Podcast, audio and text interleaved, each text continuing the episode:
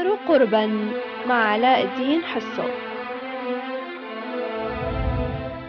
قتلت غارة أمريكية بطائرة بدون طيار في أفغانستان أيمن الظواهري الزعيم الأعلى للقاعدة والمخطط الرئيسي لهجمات الحادي عشر من أيلول عام 2001 تولى أيمن الظواهري قيادة التنظيم بعد أن قتلت القوات الأمريكية أسامة بن لادن عام 2011 الرئيس بايدن في خطاب إلى الأمريكيين الليلة الماضية قال لقد تحققت العدالة ولم يعد هذا الزعيم الإرهابي أكثر من ذلك. هذه الضربة التي وقعت في قلب وسط مدينة كابول في نهاية الأسبوع أول هجوم أمريكي في أفغانستان منذ مغادرة القوات الأمريكية البلاد العام الماضي وندد طالبان بالعملية. أيمن الظواهري ولد في مصر وتدرب كطبيب جراح قبل أن يصبح جهاديا شكل بعمق القاعدة وحركات الإرهابية من خلال كتاباته وحججه. تم تصويره على أنه العمود الفقري الفكري للمنظمة. حول هذا الحدث تواصلنا مع الدكتور محمد نور حمدان عضو الصالون السياسي في غازي عنتاب وهو مدير مركز مناصحة ومتخصص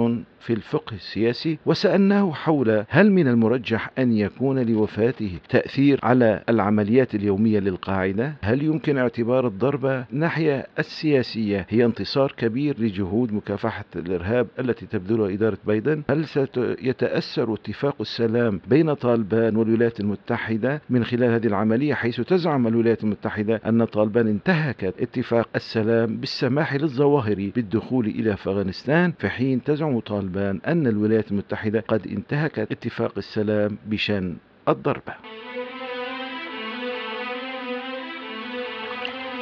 أكثر قربا. برنامج سياسي يناقش خبرا أو حدثا بشرح أبعاده وتداعياته.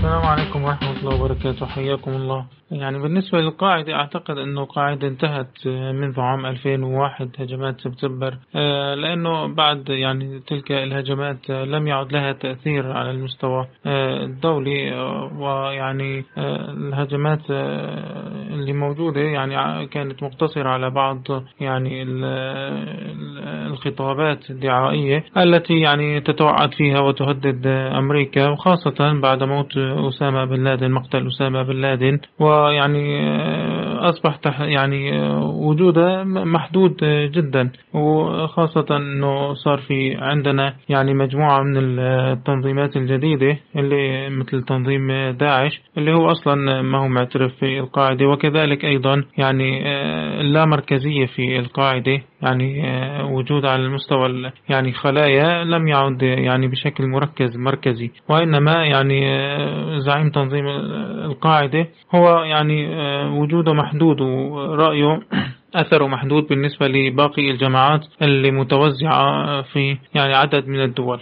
بايدن الرئيس الأمريكي يستثمر مثل هذه الضربات أمام شعبه بأنه هو قتل الزعيم آه، الثاني أو الرجل الثاني في تنظيم القاعدة والعقل المدبر اللي كان سبب في عمليات آه، سبتمبر. فهو في الحقيقة يعني خلال فترة ولايته ما كان في عنده أي عمل آه، أمام الشعب يعني فلذلك يعني هذه العملية يعتبرها هي رفع لرصيده أمام شعبه. فهو أمام الشعب الأمريكي أنه هو يحارب الإرهاب وهو قتل الرجل الثاني في القاعدة. أعتقد أنه هذه العملية لن تؤثر على يعني الاتفاق اللي انعقد آه، بين أفغانستان طالبان وبين الولايات المتحدة الأمريكية في قطر. وإنما يعني عبارة عن تنديد يعني آه، طالبان نددت بأنه يعني هذه الطائرة وانتهاك لسيادة طالبان فالموضوع سيقتصر فقط على نطاق التنديد ولن يكون له آثار يعني جانبية أخرى. يعني لا من مصلحة طالبان أنه يكون له آثار